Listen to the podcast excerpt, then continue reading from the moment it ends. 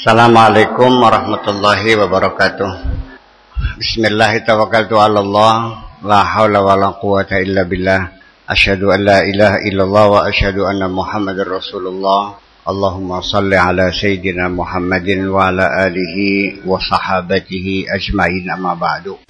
Bismillahirrahmanirrahim. Waliman khafa maqama rabbih jannatan. Anna ihdal jannataini ma'rifatullah. وهي جنة المعارف والأخرى جنة زخارف وقال ملك بن دينار خرج الناس من دنيا ولم يذوقوا أطيب شيء فيها وقيل وماذا قال معرفة الله تعالى Jadi ternyata kenikmatan yang tertinggi sorga yang paling hebat ya ma'rifatullah.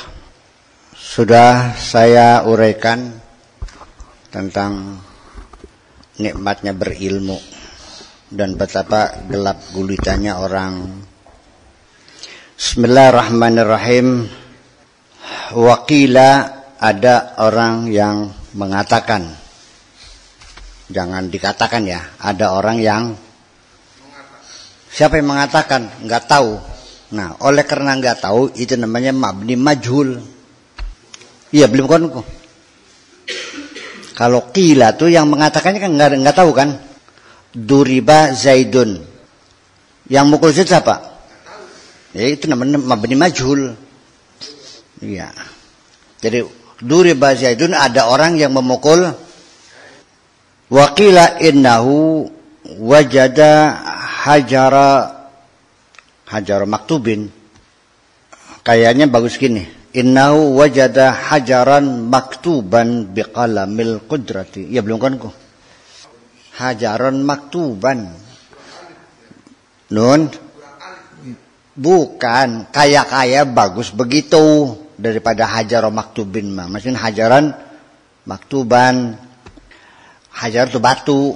Maktub yang tertulis. Ada orang menemui, melihat atau wujida hajarun maktubun. Begitu.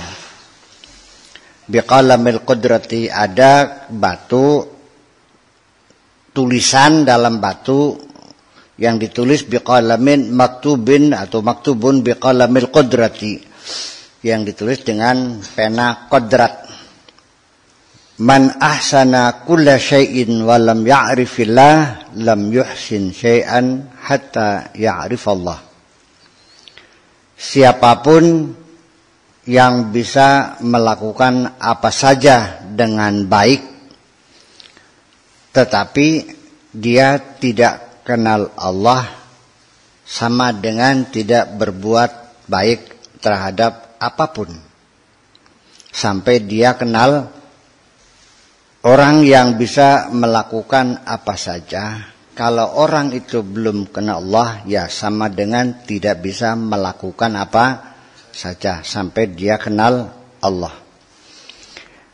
Faiza arafa Allah faqad ahsana kulla syai'in. Kalau dia sudah kenal Allah, maka dia akan tahu semua, bisa melakukan apa saja.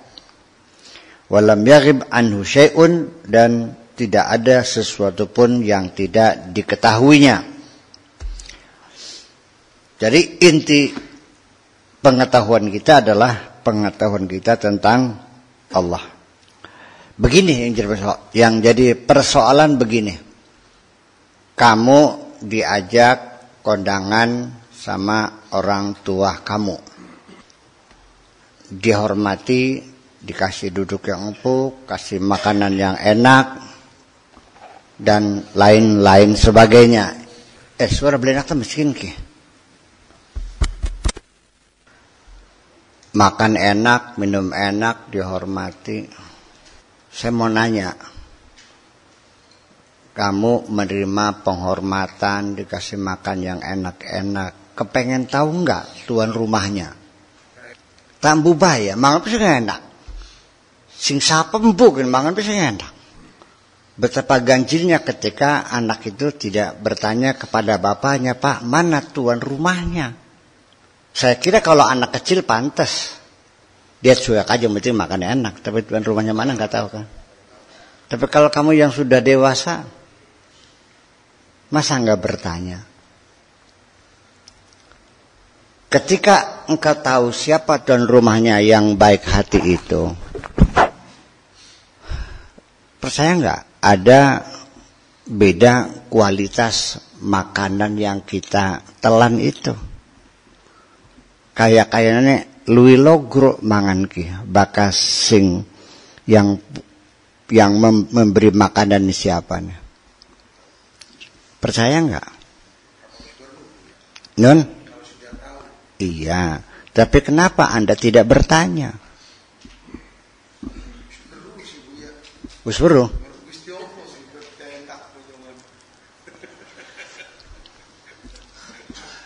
Saya tidak menduga bahwa manusia sudah tahu siapa yang memberi rezeki itu. Saya tidak tidak terlalu yakin semua orang tahu. Sebab ketika orang itu ditanya, dari mana kau dapatkan kekayaan ini? Jawabnya adalah hasil kerja keras saya, jerih payah saya, ini hasil keringat saya. Ada nggak orang yang mengatakan ini pemberian Allah? Tapi dia Al-Quran ada hadza min fadli keseharian di masyarakat ada nggak orang mengatakan yakin mah kali gane peparingnya Gusti Allah baikin mah nah itulah makanya ya kia juga belum tentu. Apa anda yakin bahwa kalau kia sudah kenal Allah dia baru kenal hukumnya mengenal aturan kepada yang membuat yang punya aturan nggak kenal. Ya itu juga sudah cukup baik sekalipun belum kenal yang punya aturan tapi dia mentaati aturan juga sudah baik kok. Standar syariat tetap tidak kita lupakan. Ya Cisab ya standar syariat tetap menjadi acuan bahwa itu mempunyai nilai plus juga. Tetapi ketika seseorang mendapatkan nikmat ini hasil dari jerih payahnya maka jelas sulit untuk menafkahkan hartanya itu. Karena dia merasa capek. Apa sebabnya wong medit? Karena ngerasa kengelan orang itu kalau mendapat uangnya susah keluarin juga susah. Medit. Orang yang merasa dapat uangnya susah itu menjadi kikir. Tapi orang yang mendapatnya dengan mudah umpamanya katakanlah melalui korupsi dia murah. Dapatnya gampang keluarnya kalau dapatnya susah keluarnya. Nah itulah makanya ketika orang belum meyakini bahwa ini pemberian Allah ya sulit untuk menjadi dermawan barang manusia yang alam dunia akasing medit akasing loman jadi akasing kenal akasing beli yang loman juga bukan berarti karena dia meyakini ini pemberian Allah, tapi apa pun rezeki kalau dengan mudah, tukang tipu, tukang judi, koruptor sebagainya, uangnya juga berhamburan keluar karena dia nggak merasa lelah. Itu saja persoalan. Jadi artinya bahwa ketika kita mengenali orang yang memberi kita juga kita mendapatkan kenikmatan yang plus ada tambahan. Daripada kita tidak kenal. Betul nggak? Kita menikmati harta dapat nemu juga ceritanya beda kok. Iya kan? Daripada kita makan rezeki dari yang sumbernya kita ketahui. Itu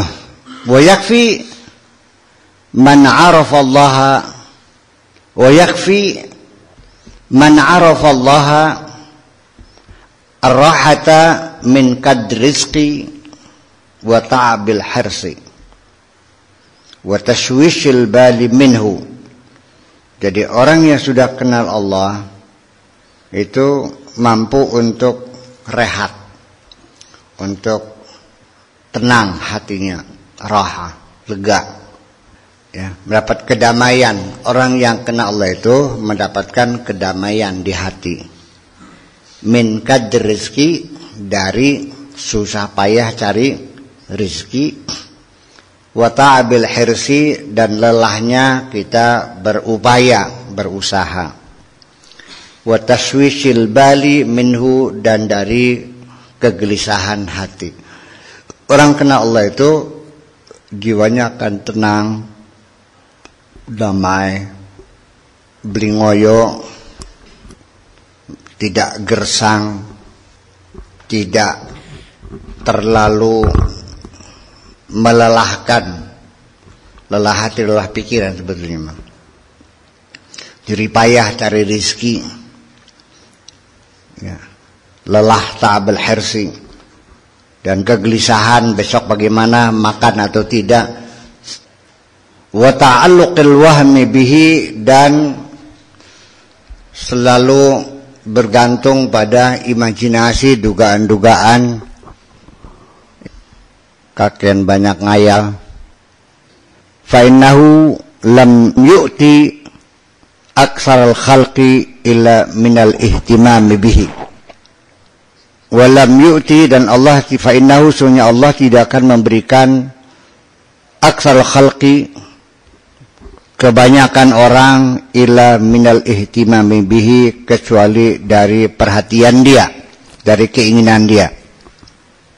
Walau kana al-adu dan kalau seseorang hamba itu merasa cukup dengan pemberian Allah maksudnya lastaghnal ghina alladzi la faqra pasti dia akan merasa berkecukupan dan untuk selamanya dia tidak akan jatuh miskin. Wa 'alal hayy la yamut dan dia bergantung diri kepada yang maha hidup dan tidak akan pernah mati dan dialah yang maha kaya. Wa huwal ghaniyul akbar dan dialah yang maha agung alladzi la yalhaquhu faqrun abadan yang tidak pernah jatuh miskin selamanya yaitu Allah Subhanahu wa taala. Ketergantungan kita selagi masih kepada manusia ya kita masih selalu gelisah. Karena manusia sendiri tidak pernah merasa cukup dan manusia tidak akan pernah memberikan kecukupan kepada kita manusia akan memperhatikan dirinya sendiri. Memperhatikan kamu itu selebihnya. Jadi kalau dia punya lebih. Lebih juga kalau nggak butuh. Sekalipun nggak butuh juga kalau kamu kalau dianya suka. Orang menolong kamu satu. Karena dia memang empati kepada kamu. Orang itu memang sayang sama kamu. Itu satu. Kalaupun sayang kalaupun kasihan juga kalau ada kalau nggak ada ya nggak juga sekalipun ia ada kalau dianya nggak butuh kalau dia butuh sendiri, ya enggak juga. Jadi Anda mendapat bantuan orang sini itu ada beberapa tahapan-tahapan yang harus diselesaikan dulu. Iya, begini. Kamu lagi butuh sendiri. Mungkin kan dikasihkan sama orang lain sehingga kamu terlantar. Kan sulit terjadi. Nah, kecuali siapa? Kecuali hamba-hamba Allah yang sudah bisa seperti itu.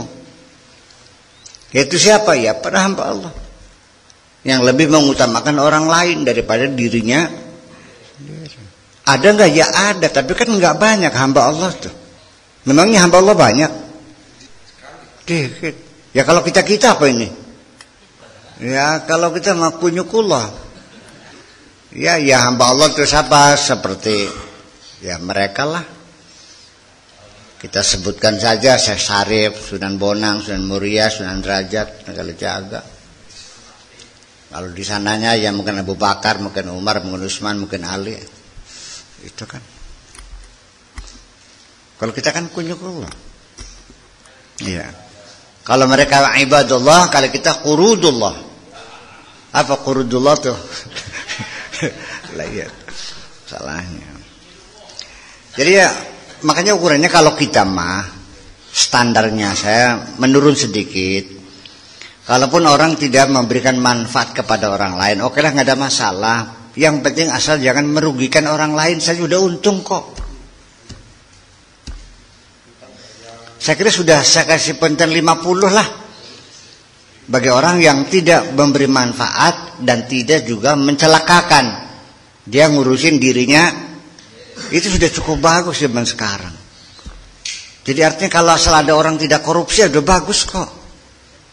Gak usah kerjanya berprestasi. Pada saat pagi datang, sore pulang, kerja sebisa-bisa gitu. Ya, nggak usah berprestasi, nggak usah berinisiatif.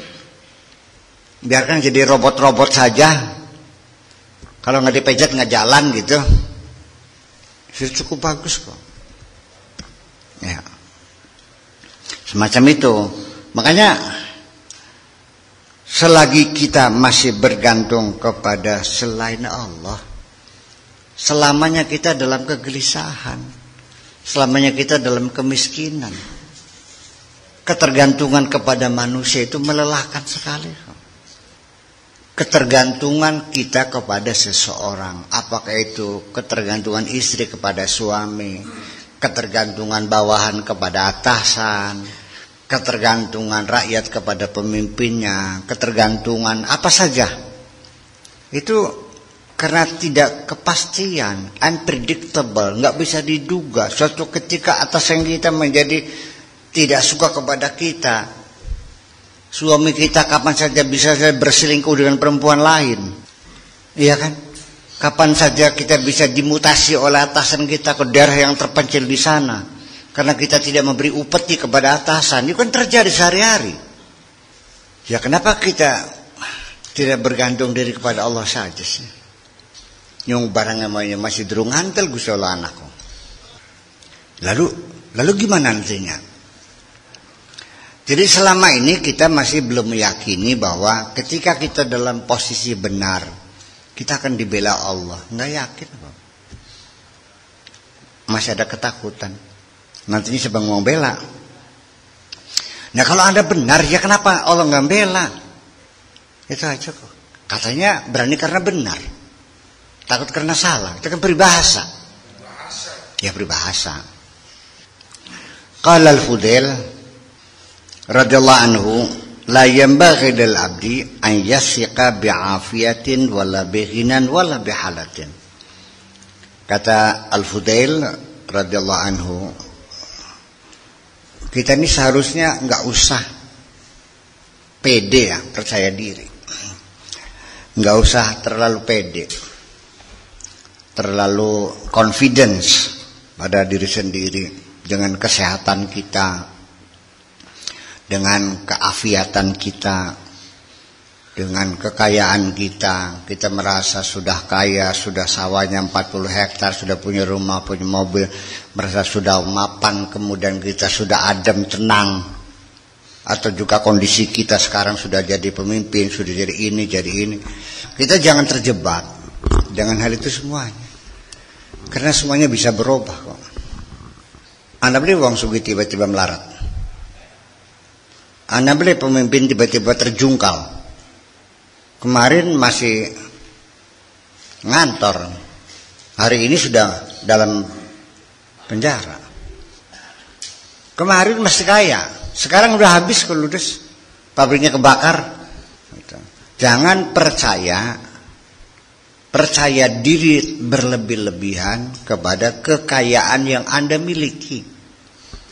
Dengan kesehatan yang Anda miliki. Saya juga di dalam hati saya sudah ada ancang-ancang. Kalau melihat usia teman-teman yang sebaya dulu yang sekelas dengan saya sudah pada ropoh kok. Sudah kencing manis, sudah stroke, sudah Parkinson, sudah ngetek-ngetek-ngetek-ngetek begini. Hampir rata-rata. Saya sekarang masih saya masih sanggup naik ke mobil Jakarta Surabaya non stop masih. Saya bisa dua hari dua malam di atas mobil. Kesehatan saya prima diberi oleh Allah seperti itu. Tetapi saya tidak boleh terlalu percaya diri bahwa kesehatan saya akan seperti ini. Kapan-kapan akan berubah. Akan dimakan usia kok. Nah, makanya Begini saja prinsipnya. bukan saya sok menunjukkan aku hebat. Saya ini punya prinsip gini. Selagi saya bisa melakukannya sendiri, kenapa harus merepotkan orang lain? Saya ingin tidak saya tidak ingin memanjakan diri saya yang selalu dilayani oleh orang lain. Ini kan setiap hari ketika saya ceramah selesai, lalu mereka bertanya pakai supirnya mana? Saya bilang nggak bawa supir, jadi ya nyupir sendiri ya Allah, nyupir sendiri. Iya terus, nyong saya bisa nyupir kok. Kenapa harus merepotkan orang lain? Saya bisa menyuap, makan saya bisa nyuapin sendiri, ngapain harus disuapin orang lain? Terkecuali kalau saya sudah lumpuh, tidak bisa makan sendiri. Ya tolong Pak Haji Sulaiman suapin saya. Kan pantas. Jadi selagi bisa kita kerjakan sendiri, kita kerjakan sendiri saja. Enggak usah merepotkan orang. Kapan kita minta bantuan kepada orang lain kalau kita sudah tidak mampu? Itu saja kok. Dan kita juga harus mencurigai diri kita sendiri. Kapan-kapan saya juga akan butuh kepada Anda kok. Iya. Nalikanya sira suge ketika kau kaya juga seperti itu. Jangan sok pede paling gak sendiri. Seperti tidak membutuhkan siapa pun. Orang kalau kaya kan ngerasanya seperti tidak membutuhkan siapa pun. Iya, tak beli. Orang butuh kan sirako. Orang orang butuh. Sugu dewek kan kau. Merasanya seperti semuanya bisa dibeli dengan uangnya itu. Yang kepisah. Jadi artinya jangan percaya terlalu mempercayai diri. La bagi lil abdi an yasiqa bi'afiyatin wala bighinan wala bihalatin. Ini kata Imam Al-Fudail. Seperti itu. Ini larinya ke mana ini? 491. Apa itu? Mm -mm. Tasurruhu ghairullah. Kekayaan itu, kondisi itu akan menyenangkan orang lain selain Allah bainamal abdu muafi. Tarahu mubtala. Kayaknya ada yang kelewat ini, ini. nggak nyambung ngomongannya ya. Oke deh. Sementara seorang hamba itu dalam keadaan sehat kamu akan melihatnya lagi sakit. Wa bainamal abdu ghaniyan. Sementara seorang hamba dalam keadaan kaya tarahu fakiran kamu melihatnya miskin.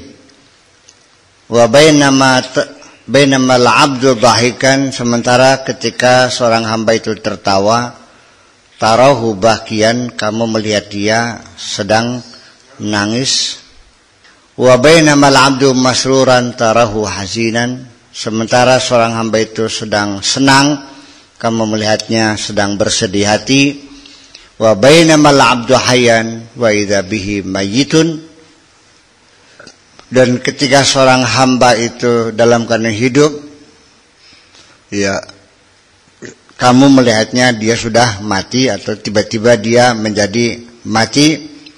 Taisa man wasiqa bi ghairillah sengsaralah silakalah orang yang percaya kepada selain Allah Aurokana li syai'in siwallah atau orang merasa damai terhadap sesuatu selain Allah.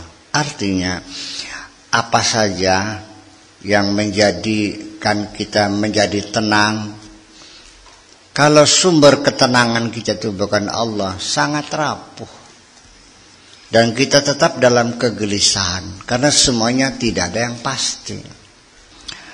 Seorang suami mempercayai istri juga rapuh. Satu ketika bisa berubah minta cerai kok. Seorang istri juga begitu bergantung kepada suami. Iya kan? memberikan segalanya pengabdiannya kepada sang suami. Sang suami juga bisa berkhianat, berselingkuh dengan perempuan lain. Orang tuh juga berharap anaknya bisa menolong dia kalau dia sudah tua nanti bisa gantian mengurus orang tua.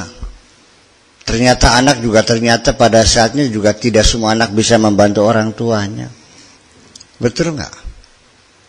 Pokoknya kalau kita serahkan kepercayaan kita kepada selain Allah, kita di penghujungnya selalu kecewa.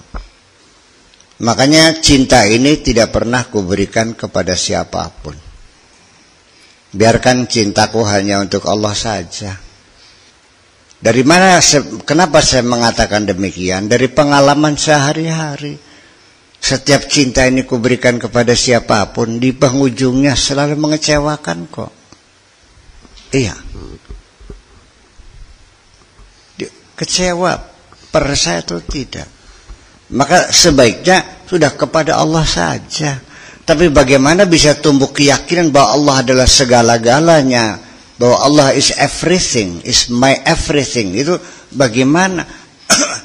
Saya kira ya perlu direnungi kembali. Ya karena sementara ini juga saya mau tanya ya kepada diri kita sendiri. Selama ini yang ngasih makan kita siapa sih? Begini, kamu yakin gak dikasih makan Allah setiap hari? Yakin gak dikasih minum Allah setiap hari? Yakin gak ketika kamu sakit menyembuhkan adalah Allah? Ini persoalannya Allah nggak kelihatan. Kita tidak merasakannya intervensi Allah dengan pandangan mata yang kosong ini. Dengan logika yang terbatas ini. Di mana campuran Allah yang saya sakit juga ke dokter bayar juga. Disuntik, dioperasi, dipotong, diperban, dijahit. Bayarnya sekian ratus juta, saya sembuh. Lalu di mana peran Allah? Itu kan nggak kelihatan persoalannya. Iya, artinya begini. Begitu sembuh, yang disanjung dokter. Alhamdulillah, hebat itu dokter. Langsung kres, kres, kres. Ces peleng, ces peleng. Bukan main. Ketemu obat paten, manjur, mujarab, sing dalam obat. Eh. Kari ketiban dicaci makinya aja. Hanya keluh kesahnya saja yang Allah terima dari kamu. Jadi akhirnya tergantung kepada bagaimana kita melihat hati kita ini. Memang memang sulit ya. Jadi Nabi Muhammad saja sebelum dia jadi nabi, dia juga nggak tahu kok apa sih iman tuh, apa sih agama tuh nggak tahu. Ya kan? Baru tahu kan setelah dikasih tahu oleh Allah kan gitu. Ya kita juga kalau nggak ada yang ngasih itu juga nggak tahu. Saya juga kalau tidak ada yang ngajarin sholat ya ya mungkin saya juga nggak sholat kok kalau saya setiap hari nggak dipentungin oleh orang tua saya juga mungkin juga nggak sholat juga. Nah makanya pada akhirnya mah sampai kepada kesadaran bahwa Allah adalah segalanya bagi kita dan kita hanya bergantung kepada Allah. Orang kaya sama orang miskin tak terganti hatinya melakukannya sejen beli bakal wong melarat melakukannya kelayap kelayap melakukannya. Bakal wong sugih tiga iya. Bakal lagi bakal wong melarat melakukannya kasih kelayap kelayap bukan? Seperti tidak ada keberanian. Ya kan gitu? Kecil hati. Deleng barang-barang nih toko ya pada sekilas mereka pelanga pelongo iya wong segi masa jangan kantong yang ingin saya sampaikan adalah kenapa anda jadi berubah seperti itu dengan kesehatan, dengan pangkat, dengan harta, dengan jabatan, dengan kesaktian, dengan keilmuan. Kenapa Anda harus berubah? Apa wis wis mari ta wis beli wis beli butuh ning Gusti Allah maning. Iya, yang pertanyaan wis beli butuh maning ta Gusti Allah ki? Ya ka beli butuh ya wis apa-apa. Gusti Allah ka beli butuh beli apa nang siraku? Orang miskin nggak butuh, nggak butuh duit gitu maksudnya.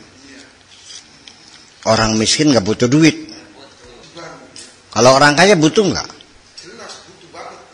Mana yang lebih membutuhkan uang? Ya sebetulnya mah dibolak-balik bolak-balik. Mana yang lebih tenang? Orang kaya atau orang miskin? Tergantung. Maning. Kalau manusia itu bukan dohirnya, semua juga batinnya. Orang bahagia zahirnya, batinnya sengsara. Enak boleh? Zahirnya sengsara, batinnya bahagia, enak boleh? Tadi ini yang penting. Enak abe. Oke, sekarang saya mau biar berulang-ulang sampai kita yakin betul ya. Mangan sate apa man, mangan das petak? Ini sing enak. Ya mangan sate gak bakal untune larang mah belenak. Mangan pedek untune waras. Ya kenapa nalikane mangan pedek untune waras enak, mangan sate untune belenak, untune sakit belenak. Jadi sing enak ku sate neta untune. Kelas bodol waras, turu spring bed boyoknya lara enak nanti. Ya ini yang menjadi persoalan bahwa Sebetulnya jujur aja kita ini semuanya sudah terjebak dalam materialisme. Materialisme itu bukan sekedar mencintai harta, tapi mencintai hartanya melebihi daripada mencintai Allah, bahkan sampai Allahnya hilang. Tuhannya menjadi materi. Sehingga mengukur apa pun di dunia adalah berdasarkan ukuran materi bukan berdasarkan moral, bukan berdasarkan kesolehan, bukan berdasarkan keimanan, semuanya berdasarkan materi. Calon mantu juga kalau melarat ditolak kok. Materi semuanya. Anak juga kalau yang kaya disanjung-sanjung, kalau yang miskin diinjak sekalian. Anak sendiri kok. Menghormati orang juga berdasarkan materi, bukan karena kesolehannya. Orang sebegitu solehnya baiknya, nggak dihormati kok. Karena datangnya naik beca. Sandalnya sandal jepit, yang satu merah, yang satu hijau. Begitu tamu datangnya pakai baby band, pakai ya seri S 500 cc, 500 yang 5000 cc dijemput dipayung kita tidak pernah bertanya dari mana dia punya harta banyak kiai gak pada kiduki ambil kidukinya Doa masih sakit. Bakal kiai ini sugi mang. Nuga mobil mercy salamannya karong juta. Bakal sih kan sepede orang pulewu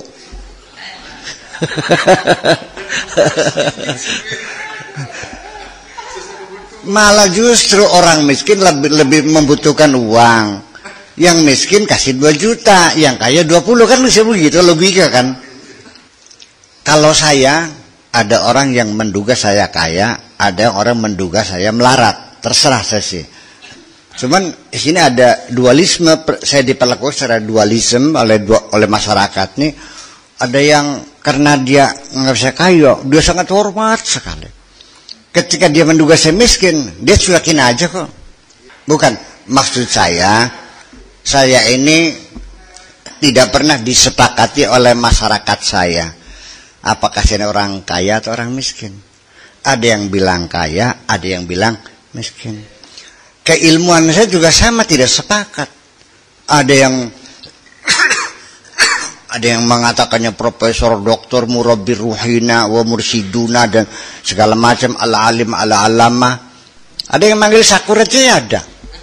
Bisa apa sih kan? Tidak maksud saya bahwa saya tidak ada kesepakatan Saya ini pinter atau goblok, saya ini kaya atau miskin gak ada sepakatan. Gak boleh apa sih sakure. Iya kan?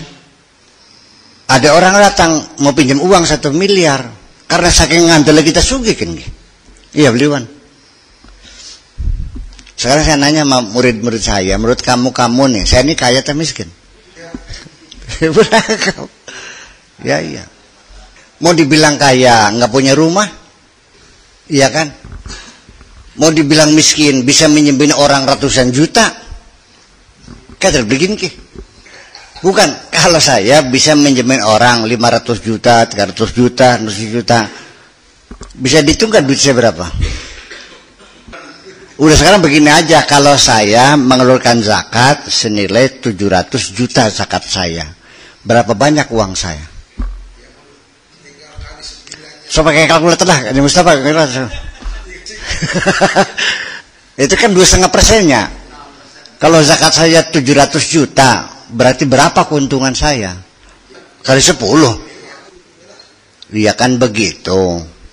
Jadi Orang yang mengatakan saya miskin beralasan, orang yang mengatakan saya kaya sehingga saya terkadang dihormati, terkadang diabaikan. Keilmuan saya juga sama, ada yang mengatakan saya bodoh, ada yang mengatakan saya pinter, sehingga saya diperlakukan sering kali berbeda. Ada yang menyanjung berlebihan, ada yang menghinakan ber sampai kita diundang ceramah juga panitia tukaran panitia ke Jari sing undangnya bisa ngaji. Panitia yang lain, eh kisah kau duduknya ki kaki dukun kan gak duduk bilapa sampai tekan totohan je. Eh gelem busung gini ngomong ke. Jadi ngandel. Oh, ayo totohan je. Bakal ngaji enak, pinter, kita bayar. Ayo totohan. Terjadi. Kisah korku duduk ki duduk kiai. Tapi ki dukun. Nah, saya dalam posisi seperti itu, saya sangat senang sekali. Menyenangkan gitu. Jadi ada manusia yang ambiguity seperti saya ini gitu. Kadang-kadang kata sugi, kadang-kadang kata melarat, kadang-kadang kan gitu. Mobil juga kalau yang warnanya bisa berubah-ubah harganya mahal. Nanti kalau malam kelihatannya hitam pekat, kalau siang kelihatannya merah menyala. Ya kan seperti itu. Nah, kenapa demikian? Ini juga mungkin atas kehendak Allah.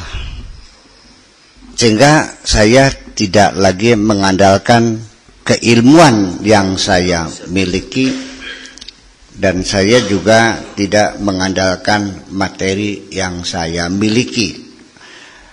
Konsekuensinya satu kok, bahwa tetap saja tidak boleh mengandalkan ilmu kita. Tidak boleh mengandalkan harta kita. Tidak boleh mengandalkan kekuasaan kita. Kita hanya boleh mengandalkan Allah. Maksudnya apa mengandalkan? Uang sugi gede hati nih karena ngerasa sugi. Uang ngerasa pinter gede hatinya karena bin wong sakti gede hatinya karena ngerasa sakti bagi saya yang pinter hanya Allah yang kaya hanya Allah yang sakti hanya jangan sampai ini semuanya merubah hati kita menjadi gede hati maring sejene gusti. Itu aja kok. Bagaimana caranya ketika Anda diberi kepintaran oleh Allah, jangan besar kepala lah gede hatiku. Menjadi anak yang pintar. Bagaimana ketika Allah memberi kamu harta banyak sampai aja gede endase karena ngerasa sebetulnya begini ya.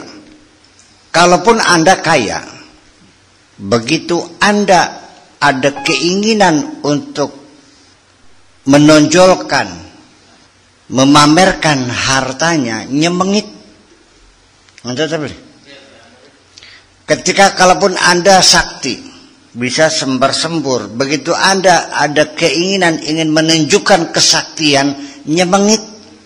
Begitu juga ketika Anda punya keilmuan, punya ilmu, pintar, lalu kepengen menunjukkan kepintarannya, nyemengit. Kita merasakannya kok. Kamu merasakan nggak kalau ada orang sok menunjukkan sadar semua juga. Saya senang sama orang pinter.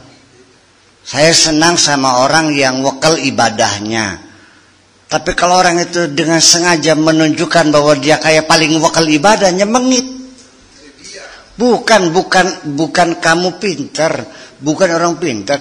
Orang itu ingin menunjukkan kepinterannya. Uang sugi, tapi pengen ngatok kena sugiane. Akibat karena kepengen kelihatan kaya, maka gelang keroncongnya sampai sekilan. Melakune tangannya dikipat-kipataken cerang-cerang jilbabe dicopot karena nganggo giwange sing segede klungsu bari melakune gada-gede gada-gede gabas gebes gabas gebes sambil giwange katon. Nyemengita belikin itu maksud saya. Oh tadi ente bahkan delang wong wadon ngogelang keroncong tekan sikut tulir melakunya dikepet dikipat kira seneng. Oh enggak. Ya wis itu enggak. Wong ngerasa pinter. Akhirnya saat dina dina nyalak nyalak kena wong baik seneng.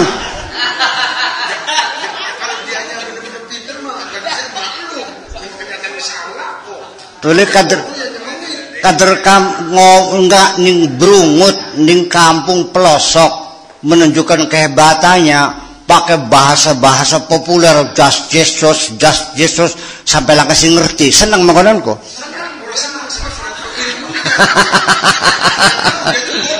hmm.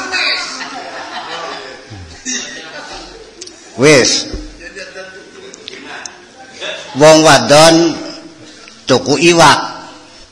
Wong wadon kusugi cincinnya nih dari jari kelingking, jari manis, jari tengah, telunjuk pakai cincin semua.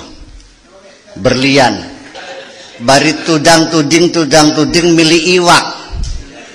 Kian pira kian pira kian pira. Bari tudang tuding bari ngadokakan cin cincinnya barang sing dagangnya kembang ke temen dong ngatok kena cincin ke habis pikir begitu kian pira telung atus beri beri dibuka lampene. Kita kan dulu mas gunung untuk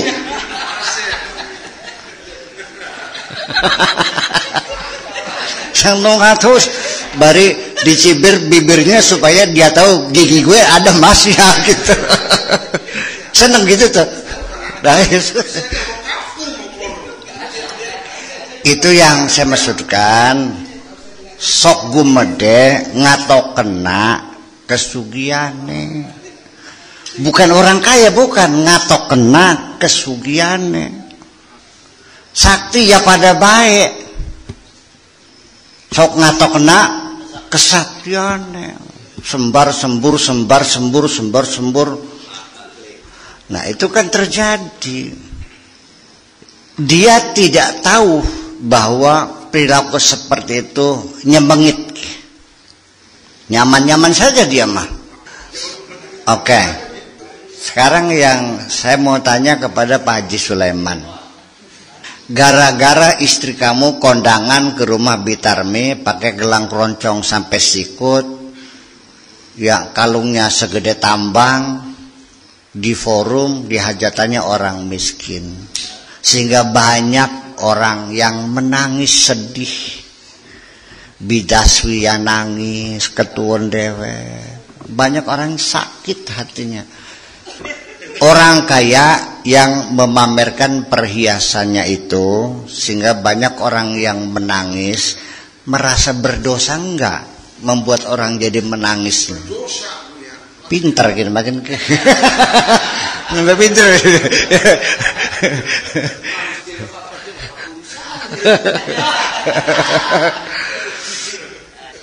Tetapi sulit orang kaya yang memamerkan hartanya itu ketika saya tegur engkau berdosa. Ning di dosanya nangis dewek apa dewek? Kita bergelang-gelang dewek oleh tuku dewek. Memang tidak boleh saya pamer harta. Itu kata orang kayaknya apa memang saya salah untuk pamer harta? Toh uangnya bukan hasil korupsi saya sangat apresiasi terhadap imam-imam masjid yang bacaan fatihahnya fasih. Tetapi ketika saya berjam di situ masjid dan imam itu tahu ada ketua forkim di belakangnya, lalu dia menunjukkan kefasihannya, ihdina siratal nyemengit mana ini?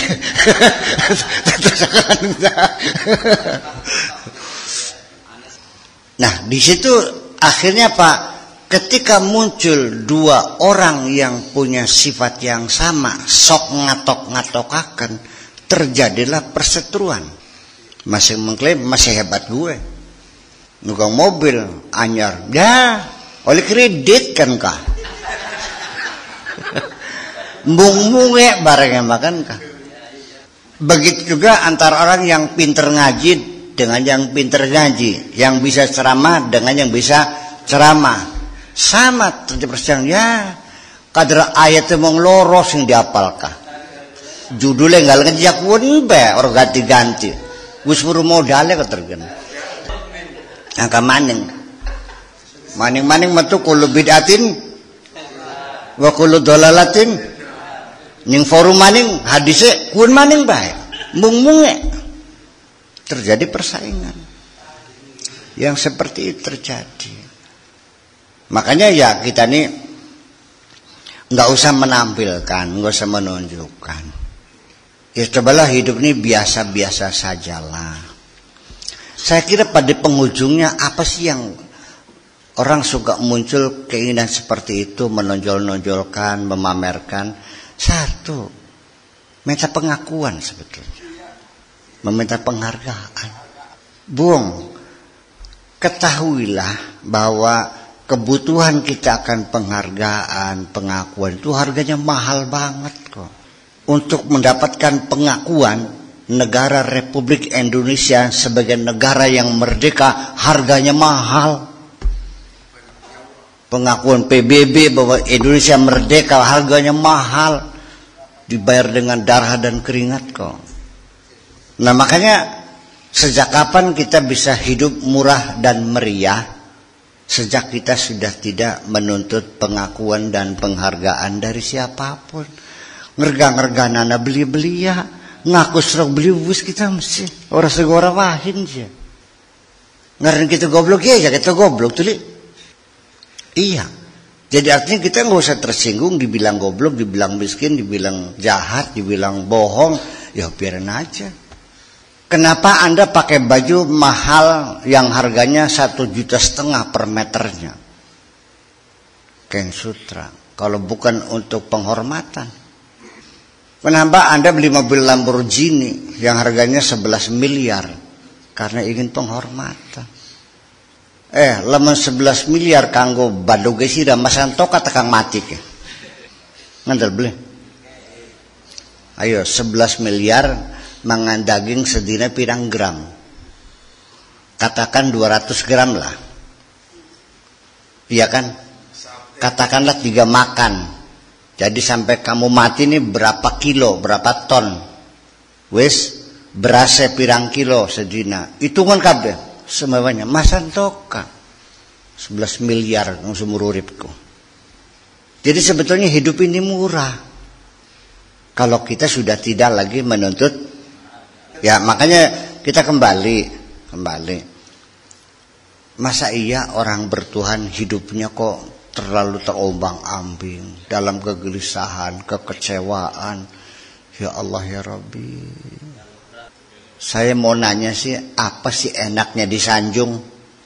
Tolong jelaskan kepada saya di mana letaknya Anda mendapatkan kenikmatan dari sanjungan itu.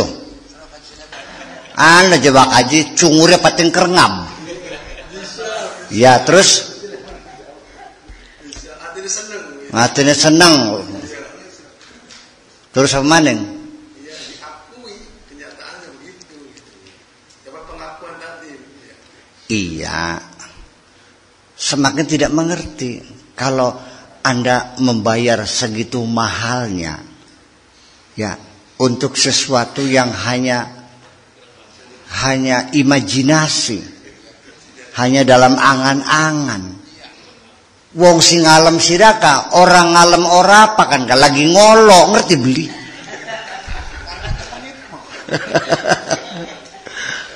Bismillahirrahmanirrahim. Rabbana auzana an nashkura ni'mataka allati an'amta 'alaina wa 'ala walidayna wa na'mala salihan tarda wa adkhilna bi rahmatika fi 'ibadika salihin.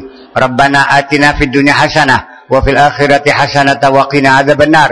Wa sallallahu ala sayyidina Muhammadin وعلى آله وصحابته أجمعين سبحان ربك رب العزة أما يصفون وسلام على المرسلين والحمد لله رب العالمين السلام عليكم ورحمة الله وبركاته